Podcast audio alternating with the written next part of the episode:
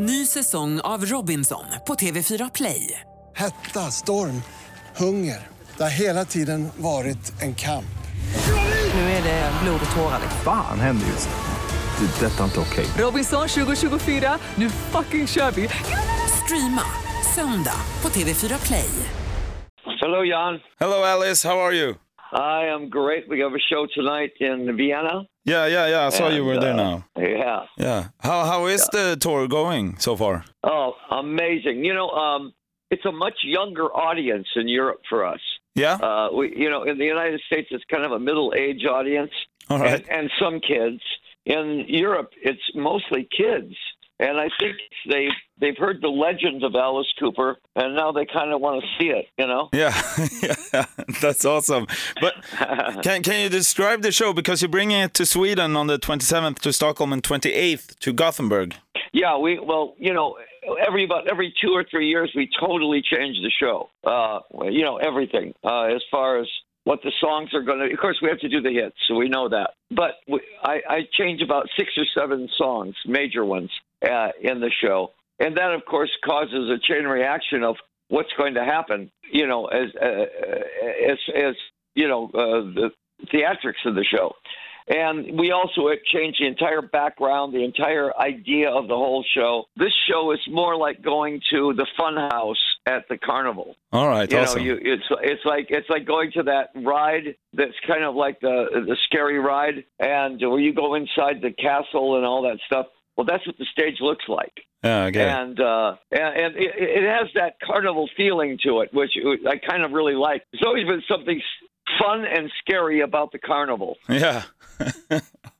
That's true. Well, you know Sweden quite well now. You've been here a lot. Uh, and is there anything planned for your visit here? Something that you like to do always when you're in Sweden, so to speak, if you have the time? Well, you know, the odd thing about me is that um, if I'm not, if I don't play golf in the morning, because I usually do play nine holes in the morning, Yeah. but uh, I never stay in the hotel room. I go out. I go out there to the shopping street, and I, I'll go have lunch somewhere, and you know, so I never sit around the hotel room. My wife and I go out and walk for three or four hours. You know, Yeah. and uh, then I come back, get ready for the show, and go. Yeah, because you play golf almost every day now, right? When you're on tour. Yeah, oh yeah. I mean, yeah, on tour is uh well, you know, we can use the excuse that we're Christmas shopping. Yeah. You know. yeah, I heard from Anton Körberg that you are uh, really good as well. yeah, oh yeah, Yeah. yeah.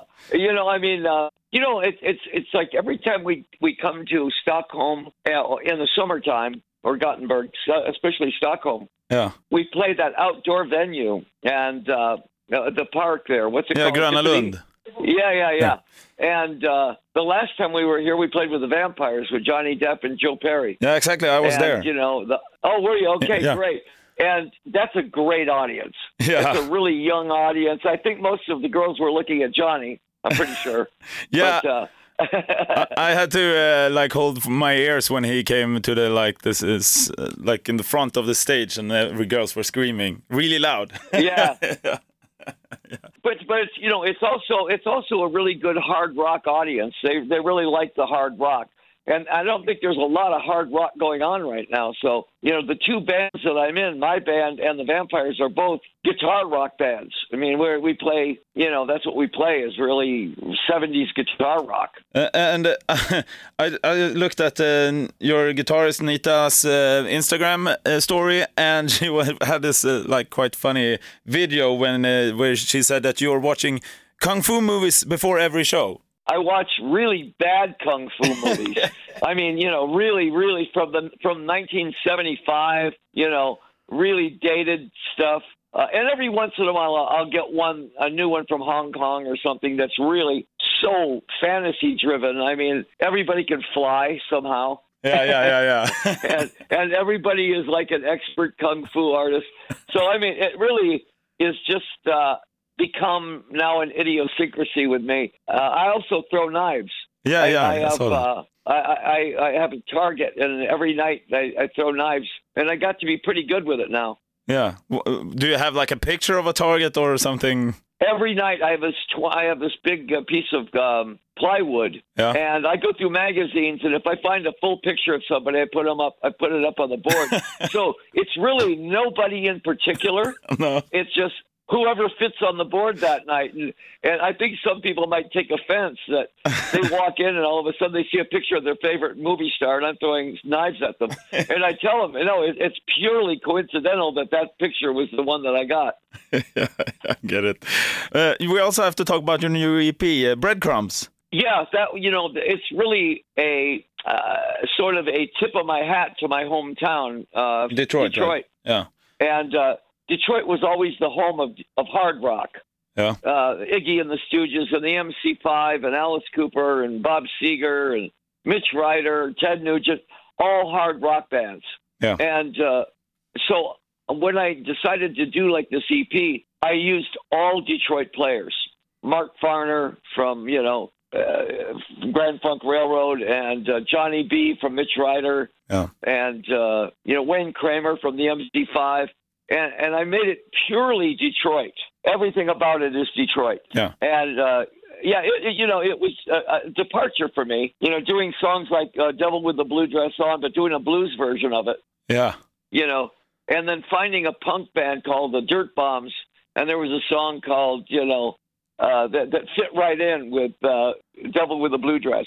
You know, so we we didn't really necessarily just cover uh, big hits. We we covered punk songs.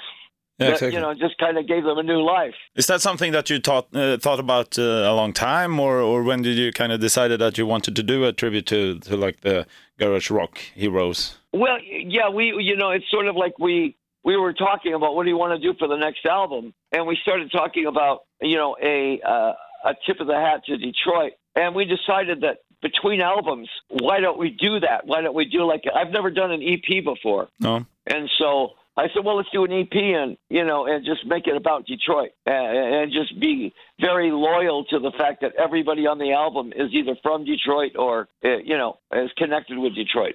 Exactly. Yeah, I get it. Now, you've also met and talked with uh, almost all of them, the big stars. Uh, but what big star surprised you the most upon meeting them the first time? You know, I, I I was very surprised at how nice the Beatles were. Oh yeah. You know, the guys in the Beatles were the nicest guys, especially McCartney and John and I got to you know drank a lot and and Ringo and I've been buddies for a long time. And George was a little secluded, but you know I went out to the bars a few times with him. Yeah. Um, the Stones, same thing with the Stones. I kind of found out that all of the guys that were at the very top of their game, the legends, were the nicest people. Uh, Elvis was one of the nicest people. Sinatra was one of the nicest people. You know, uh, Dolly and Groucho Marx, people like that. Bob Hope, people that were the really couldn't get any bigger, were always the nicest people. Uh, What's next after a European tour for uh, for you guys? Well, uh, I finished the European tour, and then we go to Australia after that, and uh, that's after Christmas. So, you know, beginning of the year, February, Yeah. and uh, then uh, I think the Vampires are going out again next summer. Uh, but uh, there's all sorts of things going on. You know, uh, I, don't- I don't. I've never been so busy in my life. I thought at 71 I would probably slow down. It ends up that now I'm in two touring bands. I, I had four albums come out last year, Yeah. you know, and I'm working more now than I ever do. And it's funny when I have a day off, I kind of feel lazy. Yeah. I feel like, wow, I didn't do anything today, you know. well, is that kind of what golf does to you? That you can relax kind of between the Yeah, shows and stuff yeah. like that? Well, you know, i- i- when you're on the road, uh, I, uh, my guitar player and my bass player also play golf. Yeah. When when you're on the road and you're in like Wichita, Kansas, uh, on a Tuesday, and you're there all day, it, it kind of gives you something to look forward to. That you get up in the morning and you have golf that that morning, and you know that's not going to interfere with the with the show that night No, exactly. you know, it doesn't really take a lot of energy to play golf. So you can get up and, and look forward to that and then have lunch, take a nap, and then go do the show. yeah. You know, but, but at least it's it's not going to the mall every day.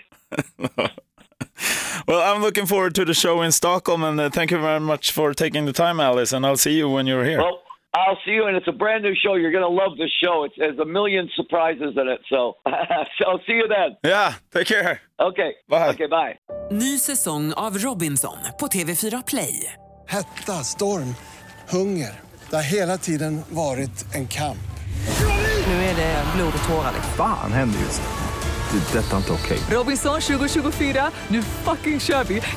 Streama söndag på TV4 Play.